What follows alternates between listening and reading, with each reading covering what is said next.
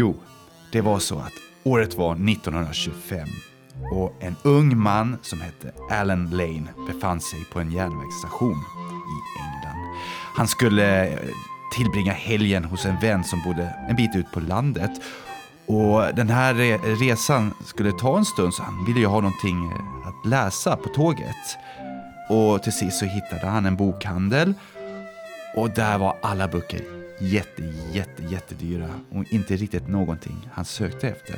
Så när han satt sen i sin kupé utan någon bok att läsa så började han fundera. Borde det inte finnas böcker som man kan köpa på en tågstation som inte kostar så mycket men ändå är spännande och bra? Och så startade han efter det här ett bokförlag som skulle just göra den här saken, ge ut pocketböcker eller billiga böcker med klassiker och spännande böcker som man kunde läsa på ett tåg. Vet du vad det var för bokförlag? Nej, vad var det? Det var Penguin. Ah. Och det förlaget finns ju än idag. Ja, de, är, de är stora. Och, och där har vi hur ett, ett bokförlag kom till. Det kom fram liksom ur nöden kan man säga, ur, ur viljan att bidra på något sätt. Och då glider vi in till ett annat bokförlag som har startats på samma sätt. Ja, vårt bokförlag. Såklart, Kraxa förlag. Och vi, hur länge har vi funnits nu? Alltså man kan väl säga att eh, alltså vi har ju funnits längre eh, i och med att vi hade en startsträcka. Men eh, vår första utgivning var ju i höstas. Så jag vet inte varifrån vi ska räkna riktigt. Nej, men vi, om vi säger då, det finns en story och den, den, den måste vi ju berätta. Det är det här som är storysyndromet. Men om vi håller oss till höstas då, alltså hösten 2022, så, så är det som du säger, kom våra första böcker. Fast vi kan ju också säga, vi, vi kan ju också säga så att vi hade eh, ma manusinskick, vårt första manusinskick. Eh, som var i 2021, i början av sommaren. Och det kan man ju också säga en start, för det var där vi började leta manus till utgivningen 2022. De, de böckerna som vi gav ut hittade vi ju, eller kom till oss i den här första inlämning eller manusinsläppet. Gjorde det inte det, eller hur? Ja, vi hade också vi hade ett manusinsläpp då först eh, i juli, eh, i juni, i juni var det. Och, och eh, då hade vi inte alls, vi visste inte hur mycket respons vi skulle få. Eh, så vi öppnade och det bara trillade in manus. Så det var så många så vi var tvungna att stänga efter en vecka för att vi skulle kunna hantera dem. Men sen öppnade vi igen i slutet av den sommaren. Så att, men man kan ju säga att de manusen som kom ut 22, de kom alla från sommaren 2021. Just det, och det var av över 50 manus som vi fick in och läste. Per, per manusgång liksom, varje gång vi hade öppet. Så att det, det, det finns mycket där ute. Och jag kommer ihåg den sommaren fortfarande väldigt väl, för det var så otroligt mycket läsning och så oerhört inspirerande och kul. Men det kändes också lite grann som att oj, eh, hur, hur ska det här gå? Hur, hur kommer man klara av allt det här? Men det, men det gick. Och de tre böckerna, det var Jonathan Olofsgårds eh, Sommaren tar slut. Och det var Nina Kjellmodins Noll dagar kvar. Och så var det Marcus Skölds eh, Folktomt. Det var faktiskt, jag tror att Marcus manus var det första vid, eh, vi skrev kontrakt på. Det hade jag glömt bort faktiskt, men det var ju kul att du påminner mig om det. Och, och det vi gick efter, och det vi fortfarande går efter när vi hittar de här manusen, det är ju den här magkänslan att oj, här har vi någonting. Eh, det, är en, det, det här har vi någonting som sitter, det behöver inte vara så att de är perfekt skrivna manusen eller så vidare, utan det handlar snarare om att man, att vi hittar ett manus som gör någonting med oss. Vi kan inte rätt, alltid sätta fingret på vad det är. Som, som talar till oss, vilket låter väldigt luddigt egentligen. Men, men är just magkänslan och att, att, äh, att det finns en berättelse som, som att berättelsen bär. Precis. Och vi söker ju oftast då det, det, det som är eh, det får ju gärna vara tilltvistat eller, och vi vill att vi ska bli överraskade. Men det här att vi söker manus som, som är på det sättet, det betyder ju inte att all, att en refusering, är, att det betyder att vi tycker att manuset inte är bra. Nej, nej, och det är också, det är också så att jag menar, vi, vi kan inte ge ut hur många manus som helst. Vi har, vi har en begränsad möjlighet, eh, både i vår tid att arbeta med det och eh, också att vi liksom, ja, nej, men att vi ska kunna få det att funka sen. Så att vi kan bara ge ut, vi har, eller, ja, vi har bara kunnat ge ut några, några manus eh, per gång, om man kan kalla det det. Men sen, sen så måste vi också säga att jag menar, ah, när, man, när man öppnar sådär för manus och vi säger vi vill ha manus, det ska vara de, som du säger, tvistade berättelserna. Det, det ska vara att det ska vara fantastik, liksom, det ska gå utanför det traditionella på något sätt.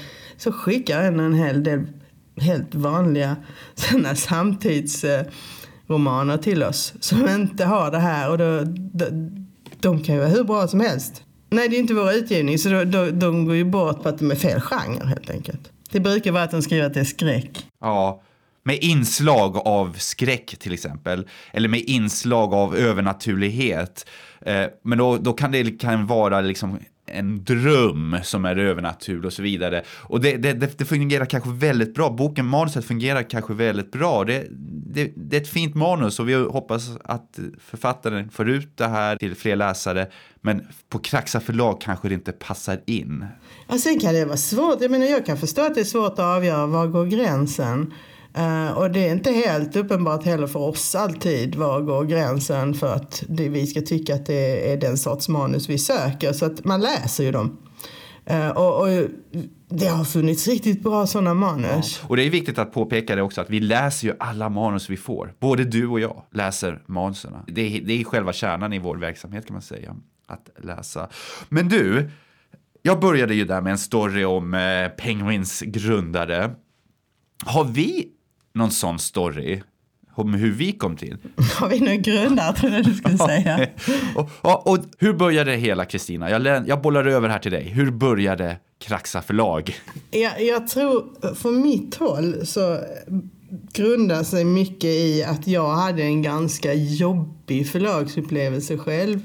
Med, när jag gav ut min trilogi om Kejsararvet, Kleptomania, Snösommar och Blodkraxa att det förlag jag låg på som var eh, Styx Fantasy som var ett imprint i Kabusa förlag, som var ett, Kabusa böcker som var ett, rätt stort förlag. Eh, de gick i konkurs. Så jag blev lämnad av förlaget mitt i trilogin eh, och det är inte lätt att hitta förlag som vill ge ut en redan påbörjad trilogi. Och vilket lämnade mig ett himla dilemma. För jag hade bok två klar, mer eller mindre. Uh, och uh, jag ville ju avsluta det hela. Uh, och, och sen så fick jag ett samarbete med Mörkersdotter förlag som gav ut bok två. sen så kom även bok tre ut. Men just den där liksom att det är så himla svårt. Och det visste jag ju innan. Det är svårt när man skickar iväg ett fantastikmanus. Speciellt om det då eh, riktar sig åt en mer vuxen läspublik. För att eh, för barn och ungdom och barn och sånt så, så är det lite, det finns mycket mer alltså, i den genren. Men just för vuxna är det väldigt svårt. Så det var väl utifrån det och i kombination med, eh, eftersom vi då båda undervisar på Eh, författarskolan och eh, jag har handlett en hel del som har skrivit i den här genren. Och de ställer alltid, de ställer alltid frågan vilket förlag ska jag skicka till? Och jag kände att det fanns inget som jag kunde säga sådär på rak arm. Men det är klart du ska skicka till dem och dem och dem för de gillar sådana här manus. Så det är lite bristen där. Och jag kände att eh, den behövde lyftas upp, genren. Och jag vet när du och jag började prata om det och det var innan förlaget startade, när vi pratade om det och sådär och att eh, vi, vi hade samma syn på det här med berättelse och... och... För att det var uppe på ett skrivarretreat i Örebro, ett skräckskrivarretreat med, vad var det, hur många författare var det? 13, det var 13 skräckförfattare. Vi var 13 naturligtvis. Och, och, så var jag med där ja. också. Och det roliga är att jag, jag är ju ingen skräckförfattare. så, så, jag hade smugit mig in där bland alla skräckförfattare, väldigt etablerade skräckförfattare allihop. Men så kom jag ihåg att vi eh, var ute och gick där i omgivningarna. Och då började du prata lite grann just om det här med, med för, förlag inom fantastikvärlden. Och jag börjar märka att du pejlade läget lite grann, eh, vad jag befann mig i livet när det gällde att eh, vara med på ett sånt här äventyr. Och rätt fort så kom vi fram till att ja, men det är klart vi ska starta ett förlag. Också, också att um, vi kommer ju från samma, som sagt, man kan ju säga att vi kommer från samma skrivarbakgrund även om vi inte har skrivit samma slags berättelse. Så, och, och vi har ju det här med oss och vi båda eh, då har verkat och verkar som föreläsare och handledare på Författarskolan i Lund så vi vet hur det är att bearbeta texter och att läsa outgivna texter. För att det är det man gör när man har förlag. Man läser outgivna texter så, så får man snabbt känslan för att det finns ett behov kanske. Och just då inom fantastiken som inte riktigt har fått ta plats. Och jag tror att det, det är utifrån det behovet att det måste få lov att ta plats som vi, vi startar förlaget. Ja, men, men om, om du ska vara ärlig, du säger, du har helt rätt med att du ser ett behov och så vidare. Men är det inte också för att du tycker det är så vansinnigt roligt att få läsa alla de här manuserna? Att få leva i alla de här olika världarna. Visst är det så? Ja, men det är klart. Jag tycker det är ju min genre, så att det, det, det är klart. Um, sen är det faktiskt mycket roligt. För jag menar, i och med då att jag hade allt det här strul med förlaget och, och, sen så fick eh, ge ut de här två bok två, eh, bok, eller, fick ge ut del två och del tre ehm, på annat sätt genom traditionellt förlag som den från början låg på.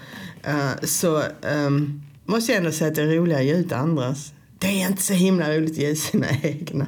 Eller stå där liksom bakom det. För att den där processen i en utgivning där man har eh, ett, alltså, man har ett förlag bakom sig förhoppningsvis. Eh, eller man har ett team och man har de här personerna runt om.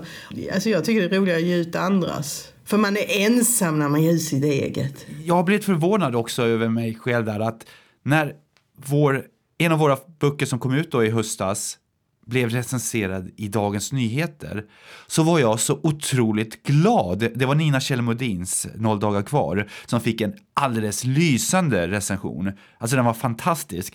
Och och jag var så glad, så lycklig över att en av våra böcker och en av våra författare blir recenserad.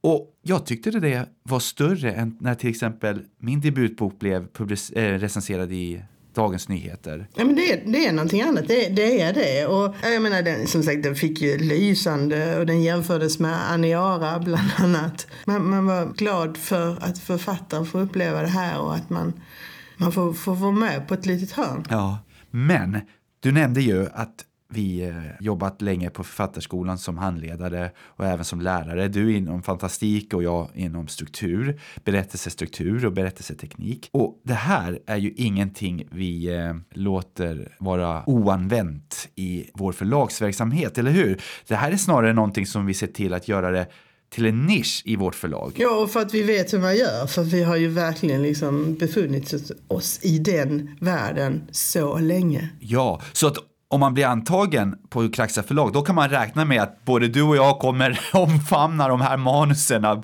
på ett sätt som kanske inte påminner om andra förlag. För att det är verkligen... Vi, kommer som en, vi, kom, vi går som en ångvält. Nej, ja. nej, nej, men det, det, det, är också roligt. För att det blir, det blir liksom den här, det är inte bara att vi gör ut böcker, utan det är också att man man, man, eh, man skapar relationer till, till eh, texterna, till manusen och, och, och till författarna. Och, och, eh, det är roligt. Ja. ja. Det är kul. Det är faktiskt väldigt roligt.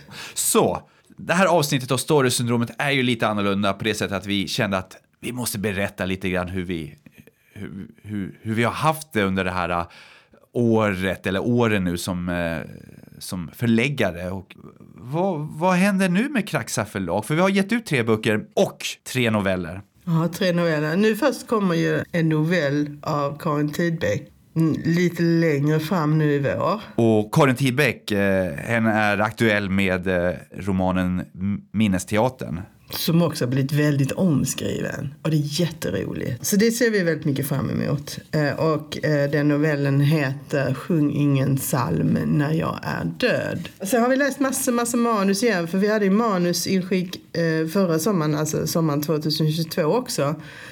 Och vi fick in jättemånga manus eh, och jag bröt benet och allt. Eh, man ska inte bryta benen. Var, hur bröt du benet? När? Var menar jag? Hur gick det till? Inte i sig själva hur du bröt det och så. Jag menar, du, gjorde, du var ute på något speciellt. Vad var det? Vi? Du vi var ute på Hallandsåsen.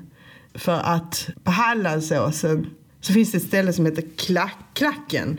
Eh, Och där finns en grotta som då kallas Klackagrottan. Och jag har en, långt, långt tillbaka i släkten så, så var det en man som bodde, inte där, men som bodde bland annat i Båstad, som är i närheten då vid Hallandsåsen.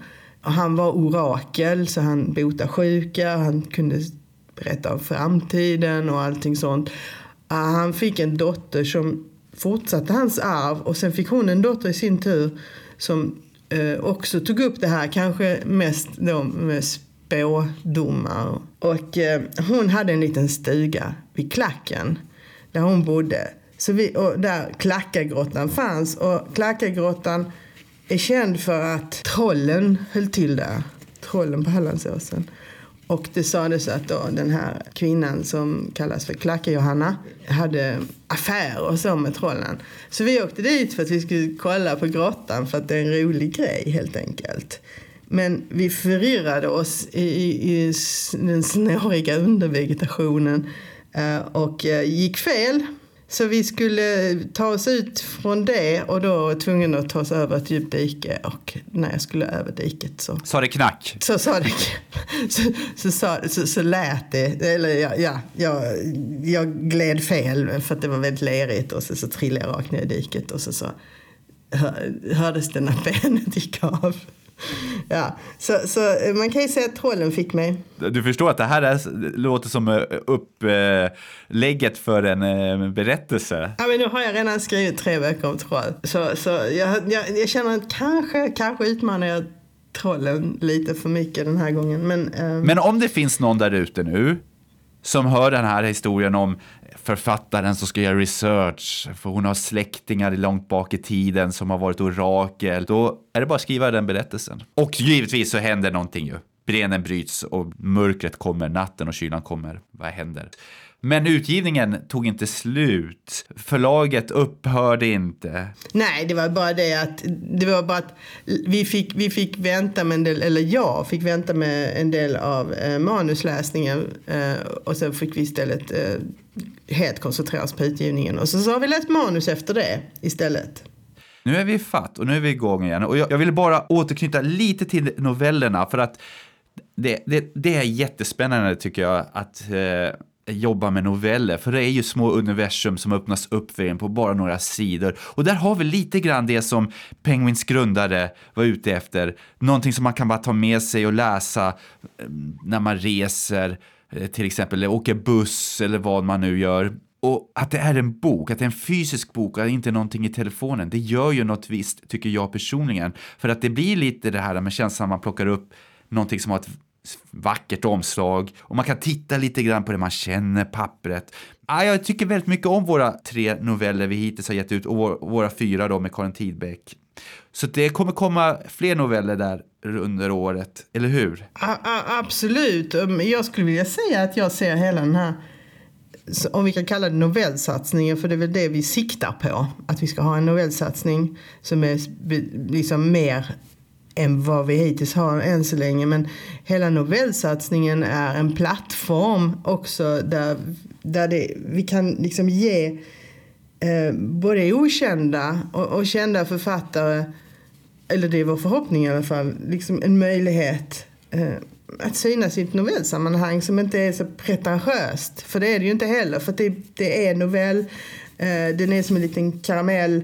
Vi har ju diskuterat det här, eh, Henrik, att det hade varit så roligt om vi kan locka författare som inte skriver i genren att testa på, att våga liksom och, och, och, bara ta det som en, som en speciell grej och, och skriva en novell om vi och sådär. Det hade varit jätteroligt. För vi, lite hela idén med förlaget är också att vi vill eh, bredda, kan man säga det, bredda genren och att den liksom blir mer synlig. Ja, och få andra som inte skriver i genren att upptäcka att det här är att vara författare, att skriva i den här genren också. Det är ingen motsägelse att skriva någonting som kanske är verklighetsbaserat och sedan i ena andra stunden skriva någonting som tar plats i en framtid på en annan planet om man nu vill det. Alltså att det är ingen motsägelse. Det, det, det är det som är att vara författare. Det är att hitta de här berättelserna som ändå berättar sanningen om att vara människa. Ja, och sen att man kan testa ett litet format. Men det man behöver inte skriva en hel bok. Man kan testa i novellformatet, vilket är ett fantastiskt format. Och,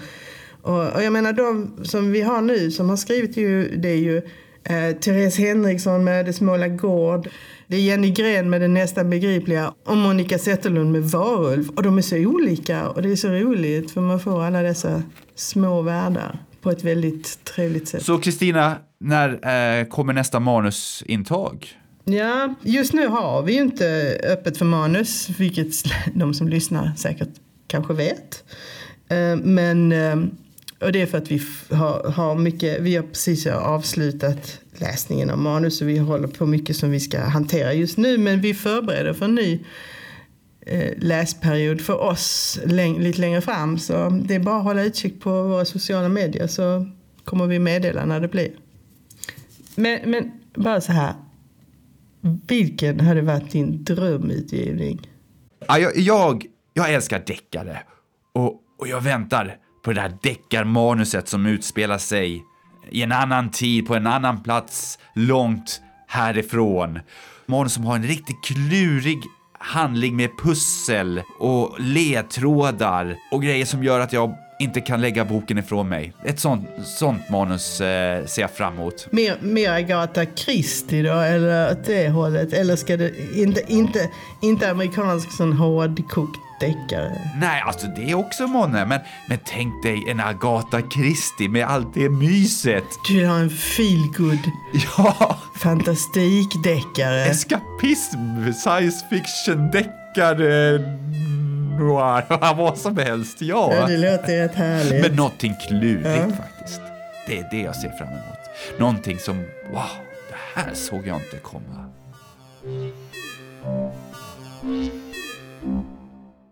Du har lyssnat på Storysyndromet av och med Kristina Hård och Henrik Pettersson. Men vi är inte bara en podd. Vi är ju också ett förlag, Kraxa förlag. Läs mer om oss och våra böcker på kraxaforlag.se.